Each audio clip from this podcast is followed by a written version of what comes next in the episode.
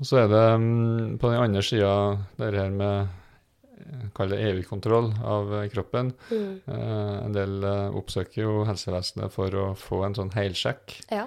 Og mm, det har eh, også vært undersøkt om det gjør noe forskjell. Man har sett på dem som har heilsjekk kontra dem som ikke har det, altså befolkningsgruppa, om det er noen forskjell i eh, utfall, i helseutfall. Og det er ingen forskjell. Nei. Eh, og det betyr jo at uh, det du eventuelt finner på sånne helsjekker, uh, har ikke betydning for helsa di. Kanskje faktisk det motsatte, at du blir bekymra fordi du finner ting som ikke betyr noe som helst.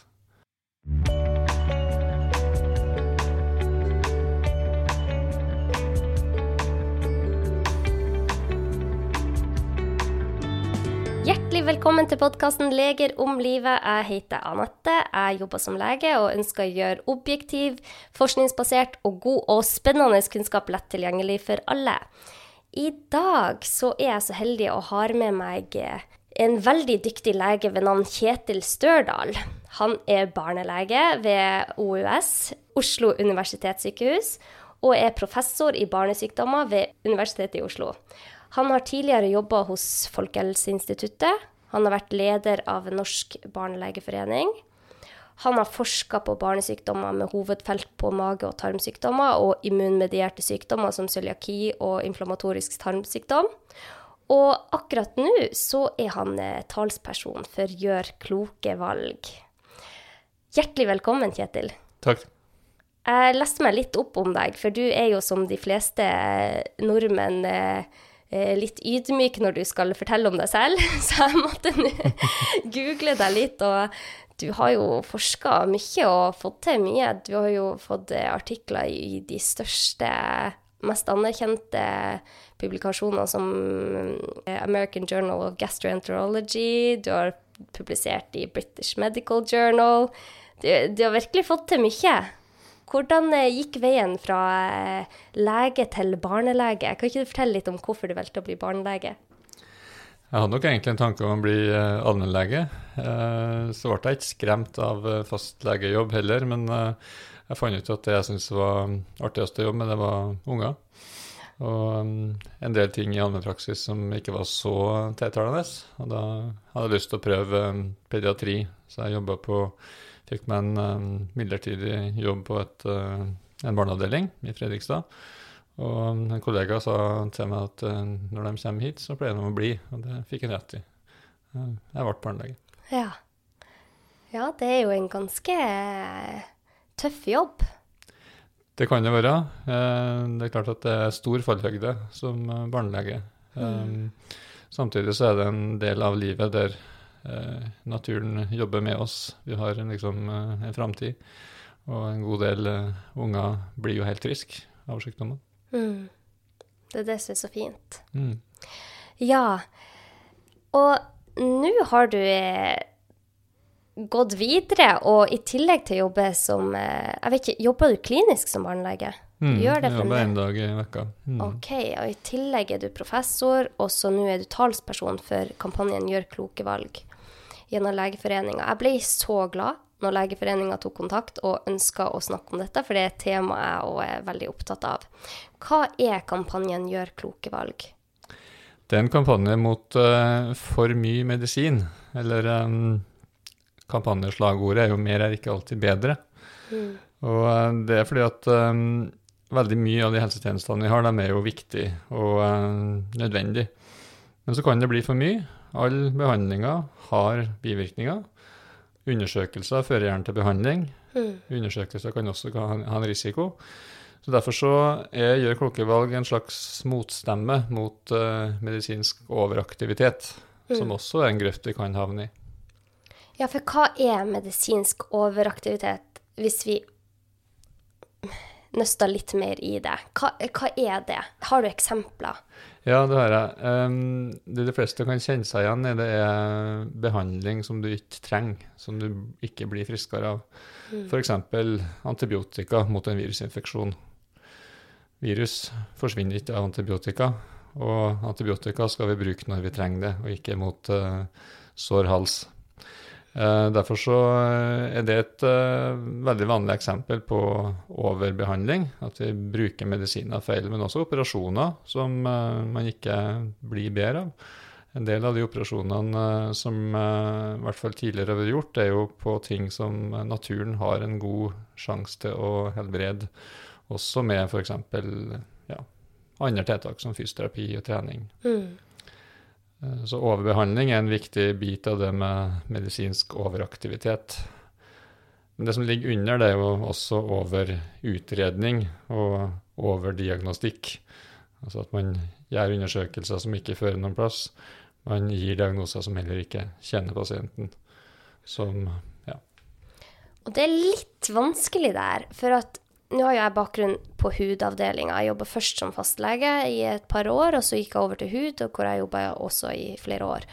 Og jo flere diagnoser en pasient får, jo mer betalt får vi jo. Mm. Det er jo ganske Den modellen der er vi nødt til å ta tak i, Kjetil. Det er jeg helt enig i. Eh, det er klart at eh, det å stimulere aktivitet i helsevesenet med å betale for eh, behandling, eller stykkprisbetaling, som det heter, eller ISF, innsatsstyrt finansiering, kalles det. Um, det er jo noe som uh, gjør at uh, sykehusene kan uh, bli honorert og få ekstra inntekter gjennom å legge opp til, til mye behandling.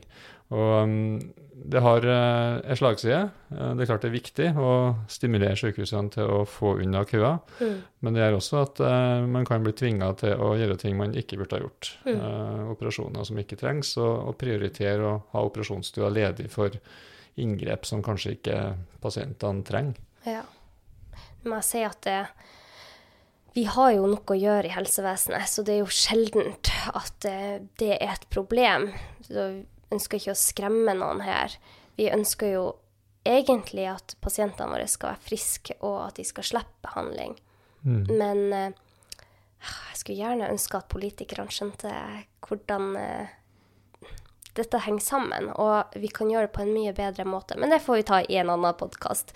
Men uh, ja, så det å gjøre kloke valg handler om at vi som helsepersonell ikke skal overdiagnostisere og overbehandle. Men det jeg ser av og til, er når en pasient kommer til meg og er redd og ønsker å bli utreda for alt. Mm. De har, eh, er redd for kreft, for det har vært i familien, eller andre sykdommer, og ønsker at man skal ta blodprøver og screeninger og røntgen dette kommer jo av at pasienten er redd. ikke sant? Mm. Det er jo egentlig ingen som har lyst til å bli overdiagnostisert, i hvert fall ytterst få. Men hvordan kan man berolige disse pasientene? Mm. Jeg tror det er veldig viktig å ta bekymringene på alvor. Uh, så, og ikke bagatellisere en, en reell bekymring, og, og, ta det på alvor og ta en, en god samtale. Og noen ganger så er det jo helt nødvendig å gå ganske langt i utredning. Mm. Men det der med å finne balansen mm. um, Noen har lav terskel for å oppsøke helsetjenester, og um, kanskje i overkant mye fokus på sin egen helse, mens andre er på den motsatte sida. Mm. Går veldig sjelden til lege, og kanskje litt for seint til lege. Mm. Så det å prøve å finne en, en god balanse, det tror jeg er en utfordring. Og jeg tror vi kan finne balansen bedre gjennom å ha en god dialog. Spør hva er det egentlig man er bekymra for. Jeg jobber jo med unger, og um, en del med um, mage-tarmsymptomer. Og et viktig spørsmål da det er hva er det dere er redd for, hva er dere bekymra for? Og av og til så kommer det opp tanker og spørsmål som jeg ikke har tenkt på. Fordi jeg har på en måte min bakgrunn, og de har sin bakgrunn. Mm. De er kanskje en bestefar som har fått tjukktarmskreft og tenker at uh, vondt i magen kan skyldes det. Mm. Det er veldig, veldig veldig, veldig lite sannsynlig hos barn. Mm. Um, mens uh, det er helt andre ting vi undersøker på. Mm. Men det er liksom ha en, en, samtale med utgangspunkt i hva er det egentlig som er bekymringa. Ja. ja, det tror jeg er kjempelurt. Å bare få frem den bekymringa med en gang. Jeg snakka med han Yngvar Wilhelmsen, han eh, legen og hypokonderlegen som han har vært gjest her tidligere. Og han sa å finne den balansen der, da kan du prøve å sette deg selv i hvis, eh, i din venns sko. La oss si at det var din venn som hadde samme symptomer, og så ser du hvordan hadde du råda han? Mm. Og da er det veldig lett å ta bort den der børen med at man er så redd. Man ser ok, ja, ja, han har hatt vondt i halsen i to dager. Er sannsynligvis ikke kreft. Mm. Eh, mens hvis eh, vennen din sier at han spydde blod utover hele baderomsgulvet i morges, så skjønner du ok, du må til lege. Mm. Men det syns jeg var en veldig fin måte å få et overblikk da, Mm. på det. Men eh, det er klart det med barn er jo vanskelig, og det er jo mange barn som sliter med magen for tida. Det er det, og eh, noen av dem eh, har jo sykdommer som vi definitivt skal oppdage og, og behandle. Og så er det de fleste som har vondt i magen, de har ikke noen påvisbar uh, unormal funksjon i kroppen. Og det å lære seg å leve med det, og få mm, på en måte gode råd, og ikke nødvendigvis nye blodprøver og nye blodprøver og enda en røntgenundersøkelse. uh, liksom en sånn leiting etter en forklaring som ikke fører noen plass. Mm. Det syns jeg ser mye av. Ja, for at denne diagnostiseringa kan jo faktisk gjøre vondt verre, og det ser vi jo nå med f.eks. Liksom undersøkelser, kneoperasjonene, og der man har gått inn med et kamera da inn i kneet og leita rundt. Og det, det kan gi større plager enn du allerede har. Så det er jo ikke sånn at all diagnostisering er bra for deg heller, selv om de kanskje ikke gjør en operasjon, men bare selve måten man diagnostiserer på, kan være uheldig for oss. Mm. Og det tror jeg det er mange som ikke skjønner. Og Mm.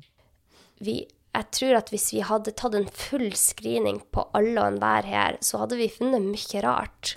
Det hadde vi, og jeg tror at vi som har um, utdanning som leger, vi tenker at uh, det å legge seg i en MR-trommel og få sjekka hele kroppen, det har vi ikke lyst til. Nei, for vi Fordi- vet at det er så mye rart, ikke sant? Vi Som vi lever som- godt med. Ja, vi finner ting som vi kan leve veldig godt med, og som vi trenger å visste, som vi ikke har noe nytte av å kunne, Ja. uh, eller kjenne til. Og um, akkurat der tror jeg um, vi har en ganske stor utfordring. Uh, det er også noen aktører som, uh, som er ute etter å markedsføre og, og selge den typen tjenester. Mm. undersøkelser som det offentlige ikke prioriterer, fordi at det har ikke noen nytte, Mm. men som kan eh, lages en eh, butikk ut av. Ja, for hvordan screeningundersøkelser er det faktisk som har vist seg å være nyttig og kunne redde liv eller forebygge?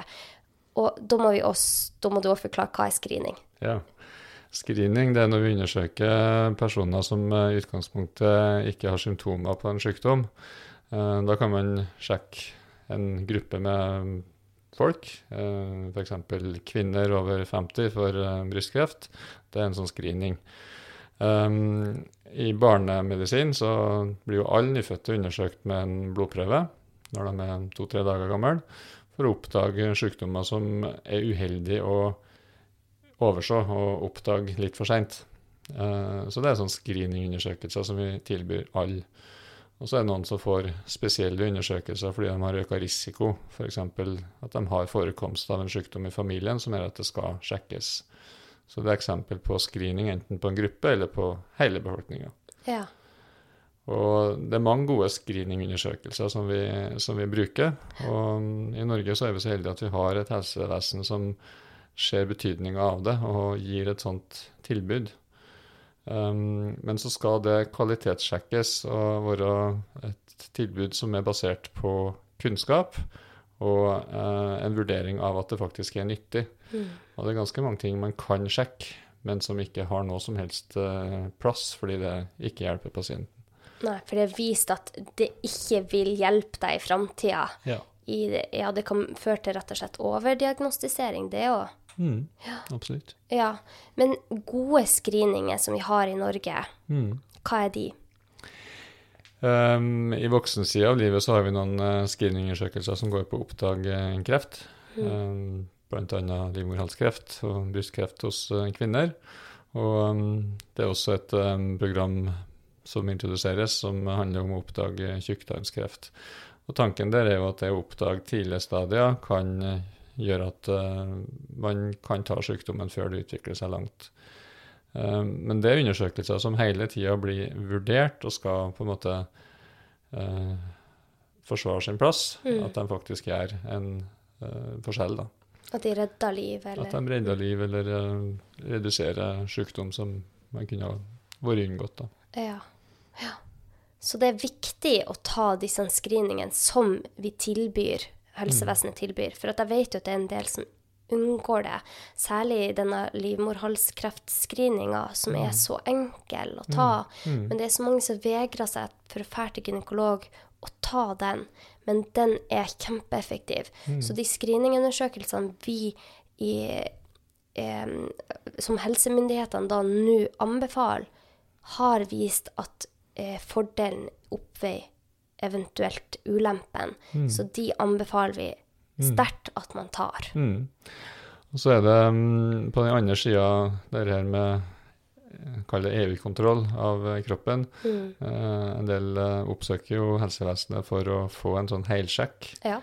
Og mm, det har også vært undersøkt om det gjør noe forskjell. Man har sett på dem som har heilsjekk kontra dem som ikke har det, altså befolkningsgruppa, om det er noen forskjell i utfall, i helseutfall. Og det er ingen forskjell. Nei. Uh, og det betyr jo at uh, det du eventuelt finner på sånne helsjekker, uh, har ikke betydning for helsa di. Kanskje faktisk det motsatte, at du blir bekymra fordi du finner ting som ikke betyr noe som helst. Nettopp. Jeg ser av og til hvis du tar f.eks. blodprøver, en lang liste av blodprøver. 1 av 20 blodprøver er per definisjon utafor referanseområdet. Så tar du mange nok blodprøver, så får du bestandig noen unormale verdier. Problemet er jo at eh, hvis du da skal ta stilling til en sånn unormal verdi, hva gjør du da? Da blir det gjerne nye undersøkelser, nye kontroller, som igjen kan føre til mye bekymring. Og i verste fall eh, nye undersøkelser som kan ha en større risiko enn en enkel blodprøve. Da.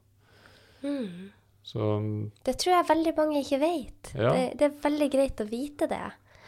Det er en veldig lur person som har sagt en gang at eh, før du bestiller en test, tenk på hva du vil gjøre hvis svaret er positivt og negativt. Og hvis svaret er det samme, så skal du ikke ta den testen. Det skal liksom føre en, en retning. Det skal ha en hensikt. Nettopp. Dere har jo skrevet og, eh, noen gode punkter til hva vi kan gjøre hvis man er pasient. Og vi ønsker Vi har et symptom, vi, eh, det er en reell grunn til at man oppsøker lege. Men dere har Var det fire punkter dere mm. sier at det er lurt å spørre legen sin om når man tar disse undersøkelsene? Og hva er de punktene? Det vi har gjort nå, det er at vi har omformulert det litt. Vi sier at fire punkter vi gjerne vil snakke med deg om. Ja. Eh, sånn at det er på en måte et felles eh, ansvar. Det er ikke pasienten som alene skal bestemme det, det er også legen som skal ta opp det i samtale. Um, det går på å spørre eh, er den undersøkelsen eller behandlinga nødvendig. Finnes det noen alternativ? Og det gjør det jo veldig ofte. Er det noen uh, bivirkninger med en behandling eller utredning? Og hva skjer hvis jeg ikke tar imot den typen behandling eller utredning? Ja, så punkt nummer én er det nødvendig? Mm. OK. Er det nødvendig at jeg tar denne blodprøven? Punkt nummer to var Det er, finnes det alternativ? ja, finnes det et alternativ som er eventuelt mindre invaderende, eller hva det er de sier? Invasiv? Invasiv. Invasiv. Um, og nummer tre er Det um, finnes uh, Altså, hva er bivirkningene, risikoen? ja, hva er bivirkningene eller risikoen ved å ta en kikkhullsoperasjon? Uh, mm. og siste spørsmål da er Hva skjer hvis jeg ikke tar imot det som doktoren foreslår? Ja, hva skjer hvis jeg ikke tar det? Veldig gode spørsmål som både legen og pasienten, eller helsepersonell og pasienten kan diskutere i lag. Kjempefine. Helt enkelt. Tar kort tid. Det rekker vi i hverdagen. Mm. Veldig bra. Jeg tenker jo at en del fastleger har jo da en bekymring for at dette her tar det jo lang tid å ta opp. Og tid vet vi at det er veldig dyrebart. Mm. Jeg tror, i hvert fall i en del tilfeller, så vil vi unngå nye kontakter, nye bekymringer, nye spørsmål gjennom å ta en sånn samtale. Eh, rett og slett få fram eh, dialogen tidlig. Mm. Så trenger du kanskje ikke å, å ha så tett kontakt om det samme problemet på nytt og på nytt. Nettopp. Avklar så godt som mulig tidlig. Mm. Ja, hvor lenge skal denne kampanjen pågå? Eh, publikumskampanjen som vi lanserte nå for eh, 14 dager siden, den eh, skal pågå fram til jul. Ja. Den har vi kalt 'Mer er ikke alltid bedre'. Mm. Og da har vi jo fått med oss eh, ikke bare Legeforeninga som står bak den, det har vi også tannlegene, vi har eh, Sykepleierforbundet, vi har jordmødrene, vi har farmasøyter, vi har optikere, vi har fysioterapeuter, vi har kiropraktorer. Så det er mange som tilbyr helsetjenester som er med på Mer er ikke alltid bedre. Oi, det er kjempebra. Mange organisasjoner bak det her, så det blir mer bevissthet. Hva er grunnen til at dere gjør det, egentlig? Har dere sett, Er det data på det her at dette må gjøres?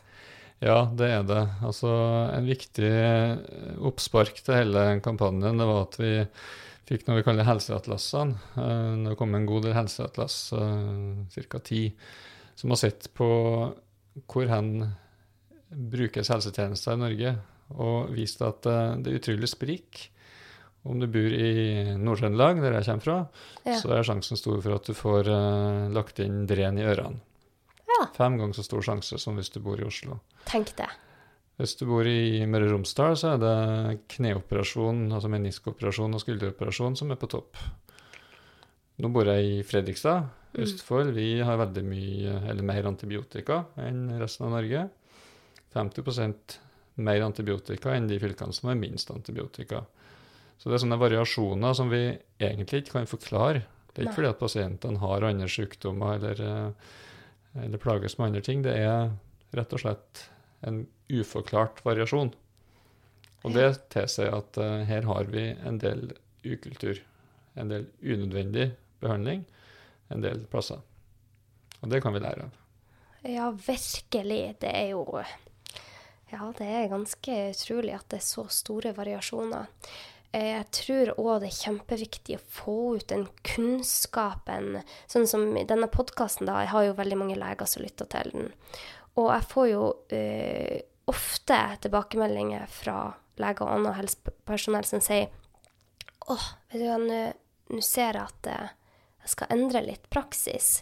For de har jo lært det de har lært på studiet for lenge siden. Og det å oppdatere den informasjonen ikke sant, nå, Bare de siste fem årene har det kommet helt vanvittig mye forskning på tarmbakterier, hvordan det fungerer. Og lavgradig betennelse, hvordan det fungerer på kroppen. Og det er vanskelig for en lege. Vi jobber altså så mye ikke sant, å holde seg oppdatert på alle felt til enhver tid. Det, det er en kjempevanskelig oppgave. Jeg gjør dette fulltid nå, og vel så det. Jeg bruker hver kveld, hver helg til å oppdatere meg på forebyggende helse.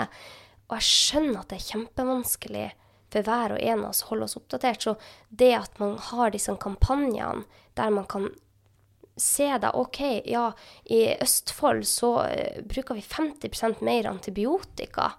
Her er det noe som ikke er på greip. Her er vi nødt til å ta tak i det og se hvem er det som kanskje ikke har fått med seg nyeste retningslinjer på antibiotikabruk. Mm. For det, vi vet jo konsekvensene nå av å bli overbehandla med antibiotika. de kan jo være ganske ille. Mm. Særlig for små barn under to år. Absolutt.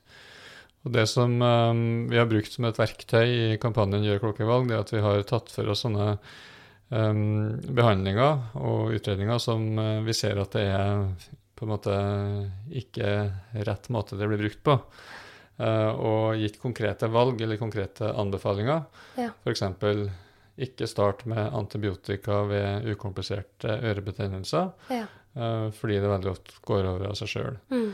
Så antibiotika går igjen i en god del av de anbefalingene. Det er faktisk eh, nesten 80 anbefalinger som Legeforeninga har laga for forskjellige deler av medisin. Eh, men også tannlegene har egne anbefalinger, og studentene har sine anbefalinger, kloke studenter. Altså, det er en del anbefalinger som også kommer fra de andre som er med på Mer er ikke alltid bedre. Mm, veldig bra. Vi fikk eh, nettopp en eh, artikkel inn i et tidsskrift, et amerikansk tidsskrift som eh, heter Pediatrics. eh, og det handler om eh, antibiotika til nyfødte. Og mm, det er egentlig en del av bakgrunnen for det er det som er nevnt, Helseatlas, som viste at det var ganske stor forskjell på bruk av antibiotika på norske nyfødtavdelinger. Mm. Og det var vi ikke noe stolt over. Mm. Bare det å vise eh, de tallene og si at eh, OK, ett sykehus lå dobbelt så høyt som nabosykehuset, det var ikke greit. Mm. Og dermed så endra det ene sykehuset praksisen og lærte av naboen. Og i løpet av de siste fem årene så har bruken av antibiotika på norske, barne, norske nyfødtavdelinger gått ned med 37 Det er fantastisk.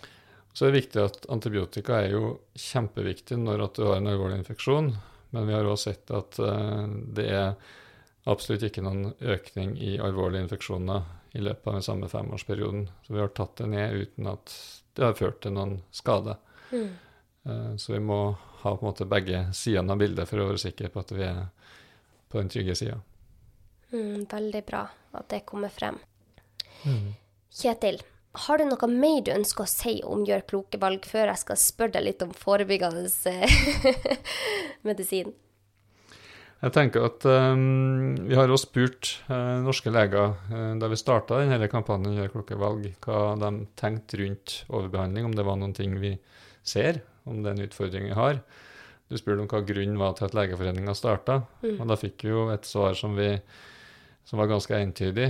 Veldig mange leger, eh, ni av ti, opplever at vi driver med overbehandling og overdiagnostikk. Oi. Og faktisk så var det eh, 80% skrev eh, eller svarte at det var et problem. Og mm, også at de eh, sto for en del av det sjøl. Ja. Og eh, så spurte vi hvor stor andel av helsetjenestene tenker du er overbehandling, overdiagnostikk. Og eh, svaret var at uh, tett oppunder 20% av det vi holder på med, er overbehandling, og overdiagnostikk. Mm.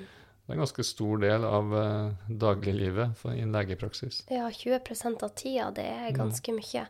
Jeg kan skjønne litt hvorfor, da. For at jeg ser det selv når jeg er på jobb, og jeg blir redd for å ikke finne det. Jeg blir redd for å gjøre feil. Mm. Og så tar jeg det i ekstra blodprøvene, selv om jeg ikke ville ha tatt de på meg selv. Men jeg blir redd for at, at jeg skal overse noe. Mm. Og det er ganske Man har et så stort ansvar Mm. når man behandler andre mennesker. Eh, at jeg, ja, jeg kan i hvert fall forstå hvorfor det blir sånn, sånn som det blir. Helt klart. Og det er klart at det med usikkerhet, eh, da kan det være en god støtte i å ta undersøkelser, eh, ta og bestille undersøkelser som kanskje kan gi deg større sikkerhet. Mm. Og noen ganger er jo det nødvendig, eh, spesielt for å avklare mistanke om farlig sykdom, så, så skal vi jo gjøre en ordentlig utredning og, og undersøkelse. Men så er det noen ganger at vi tar prøver som vi vet at dette her har ingenting for seg. Mm. Um, et eksempel, du var inne på det med forebyggende medisin, som jeg skjønner vi skal snakke mer om. Yeah. Det er at eh, det måles veldig mye D-vitamin i Norge. Ja. Og det å måle D-vitamin Jeg har sjøl forska en del på D-vitamin, og det er et spennende felt. Ja, jeg så du jeg leste en artikkel. Eh, Bra. Ja. Men eh, vi trenger ikke å måle D-vitamin for å vite at vi skal ta D-vitamintilskudd på vinteren. Mm. Altså, det er nesten umulig å komme opp i nok D-vitamininntak uten at eh, eh, gjennom vanlig kost, så derfor er det lurt å ta D-vitamintilskudd. Sånn som vi lærte opp til gjennom barndommen. Mm. Um, månedene med R, ikke sant. Ja. Mens- noen med R skal Ja. man ta D-vitamin. Ja. Og da trenger du ikke å måle det for å vite det. Og det måles D-vitamin for uh, nesten 80 millioner i Norge per år. Vi tar uh, nesten 10 av all eh, blodprøvekostnaden i Norge er det, måling av D-vitamin.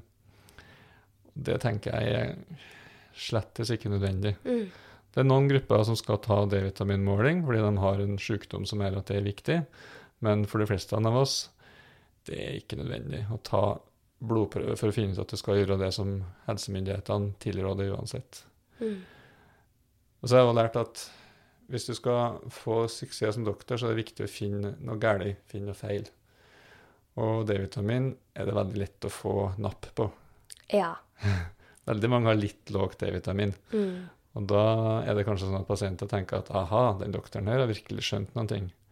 Men jeg skal love dere at eh, det er ikke fordi dere har skjønt noen ting. det er en lureri. Oi, oi, oi. Men det er, det er jo faktisk viktig å ha D-vitamin innenfor referanseverdiene. Og det har jo du forska på, og du kan mye om det. Så istedenfor å, å dra til legen og måle D-vitaminnivået, så kan du bare gå utover, ut eh, ifra at du har for lavt D-vitamin i vintermånedene hvis ikke du tar D-vitamintilskudd. Mm. Det er en veldig grei regel å ha. Og uh, husk å ta tilskudd i de månedene med R. Kan gjerne begynne en måned før hvis du vil. Mm. Og hvordan eh, doser skal man ta da? Det er faktisk justert eh, for ikke så veldig lenge siden. Altså mm, 10 mikrogram per dag er det som er anbefalt for voksne. Og så er det litt mer for gravide og foreldre og sånn, da. Men ehm, og for å nå opp i det inntaket, så er det nødvendig med tilskudd hvis du ikke spiser uh, feit fisk uh, veldig ofte. Ja, nettopp. Og det er jo for at sola gir oss jo D-vitamin, som veldig mange vet nå. Mm. Og vi har jo lite sol. Særlig jeg er jo fra Nord-Norge, og der er det, der er det mørketid nå. Mm. Pratet med pappa i går, og han, eh, da var klokka ett, og da sa han det var mørkt ute. Så eh, det å ta tilskudd Men i en skjegg tran er det ikke 10 mikrogram. D-vitamin. Jo, eh, det kan jeg ikke ta helt på sparket, men det er nærheten av der. Ja. Så hvis man tar tran, så, så er det sikra. Ja. Noen er ikke glad i tran og trenger å ta noe annet. Ja. Men eh, Men det var veldig bra vi fikk fram her. Kjempebra. OK. Så gjør kloke valg, både helsepersonell og pasienter. Var det noe mer, da? Jeg kan snakke lenge om klokkevalg, men eh, Ja, men har du noen, har du noen pasienthistorier? Det har jeg. Jeg har ikke lyst til å fortelle direkte om gjenkjennbare pasienter, men eh, det var en gang at jeg lærte noen ting. En litt sånn aha-opplevelse. Og det går jo herre på med trygghet for doktoren. Eh, altså en, en redd doktor og en redd pasient er en dårlig match. Eh, og ofte så tror vi at pasientene er veldig bekymra og bestandig skal ha mer. Ja. Og så var det en gang at en mamma spurte meg, etter at jeg hadde undersøkt ungen hennes for uh, sikkert uh, sjette gang på ganske kort tid, Ja. og, sa, um, og forklarte at vi skulle ta enda en ny test. Så spurte hun men når vi er ferdig med den testen, kan vi gi oss da? For da hadde hun sett en unge som ikke var syk lenger, som har blitt frisk, men doktoren hadde en eller annen bekymring. Ja. Den mammaen uh, stilte et uh, klokt spørsmål. ja. Var det egentlig nødvendig? Veldig fin historie. Det er, ofte, ja, det er ofte det at man tenker at det er de som er bekymra, men det kan jo hende at det er oss selv som leger som er bekymra. Mm. Ja. Så det gikk bra med det barnet. Ja, Det det, så bra. Ja. Når jeg har deg her inne, og jeg har så mye kunnskap i én hjerne, så er jeg nødt til å eh, få ut litt mer informasjon. Jeg fortalte deg at jeg brenner veldig for forebyggende medisin, og at vi er nødt til å få til en ordning der alle vi mennesker i dette landet, og egentlig hele verden, skjønner forebyggende medisin og hva man kan gjøre for egen helse. Men i, i går så snakka jeg med Gunhild Stordalen, og hun sa noe veldig klokt som jeg har tenkt på en god del. og jeg vet ikke hvordan vi skal få det ut i praksis, men kanskje du har noen gode råd. Og det er hvordan skal vi gjøre det lett tilgjengelig å ta de kloke valgene og de lette valgene? For vi vet jo at forskning sier at eh, hvis du sier nei nok ganger, så får du et nei-tretthetssyndrom, rett og slett. Du, du, du klarer ikke å si nei for mange ganger. Og et sånn morsom eh, fun fact der er jo f.eks. han Obama, når han var president. Så i og med at han visste at man blir sliten av å ta veldig veldig mange valg, og han må jo ta mange valg i løpet av en dag, så valgte han å sette bort absolutt alle valg om hva han skulle spise, hva han skulle ha på seg, alle sånne ting, bort så han slapp å ta de valgene. Og nå i dag, når vi går rundt i gata, så må vi si nei eller ta valg hele tida. Du kommer på jobb, der står det Twist-pose, du må si nei takk. klokka to så er det kake, du må si nei takk. Eh, du kommer hjem. Det er ganske slitsomt å lage mat fra bunnen av hver dag. Og så tenkte jeg kanskje jeg bare skal ta den Grandiosaen. Altså, det er ikke, samfunnet er ikke tilrettelagt for at vi skal ta de kloke valgene. Og hva tenker du må til for at det skal bli lettere? At vi skal få At det heller skal være motsatt. At det blir vanskelig å ta de ukloke valgene. Mm. Jeg tenker at eh, når det gjelder kosthold, så har vi mye kunnskap. Og jeg tror at de fleste har tatt til seg mye kunnskap om hva som er et godt og sunt kosthold. Så det er likevel litt for lett å gjøre de usunne valgene. Og det handler jo f.eks. om pris. Mm. Og det handler om tilgjengeligheter. Um, og det er klart at uh, myndighetene kan hjelpe oss til å ta bedre valg gjennom f.eks. en sukkeravgift. Det forsvant jo for uh, et par-tre år siden. Ja. Uh, det kan også gjøre det lettere tilgjengelig med frukt og grønnsaker, som vi vet vi får for lite av til vanlig. Ja. Uh, rett og slett bruke um, markedsmekanismer til å belønne en positiv helseatferd. ja. Det å gjøre det gunstig og lett å velge bra. Ja. Gunstig, billig og lett. At Mm. det er billigere enn den dårlige maten. Mm. Hvem skal vi ta, ta, ta tak i og ta kontakt med for å få det til? Vi har jo eh, politikere og myndigheter som, eh, som kan eh, bruke den typen verktøy for Ja. å mm, gjøre det lettere å velge klokt. Og en del brukes jo også aktivt. Vi legger til rette for mer fysisk aktivitet gjennom å gjøre det enklere å bruke sykkel. Gjøre det litt dyrere å bruke bil. ja. Sånne ting er jo Og det fungerer? Det fungerer til en viss grad. Men det er klart at vi, vi rører oss for lite. Det er mye å gå på. Mm. Og den daglige aktiviteten, den bevegelsen som ikke handler nødvendigvis om å ta på seg tights og, og springe ut i skogen, men den aktiviteten som vi gjør på vei til noe annet, eller det å røre seg i det daglige, det tror jeg vi kan legge til rette for enda bedre. Og bare en digresjon der. Min farfar han er 96 år, og han har ikke trent aktivt de siste 40 årene i hvert fall, eller 34 årene som jeg har kjent han. Men han har vært veldig opptatt av å ta trappen istedenfor heisen. Han har gått til eh, byen som er en kilometer fra der han bor, istedenfor å ta bilen. Mm. Og jeg ser jo hvor sprek han er. Han er 96 år og bruker beina. Eh, Jeg tror at vi tenker at det skal så mye til. Jeg tenkte i hvert fall det veldig lenge, at jeg måtte trene kjempehardt på treningsstudiet og være dødssliten Mm. tre ganger i uka for at jeg skulle hatt noe helseeffekt av den treninga. Mm. Men nå viser det jo nå viser jo forskninga at hvis du får de der 150 minuttene Mm.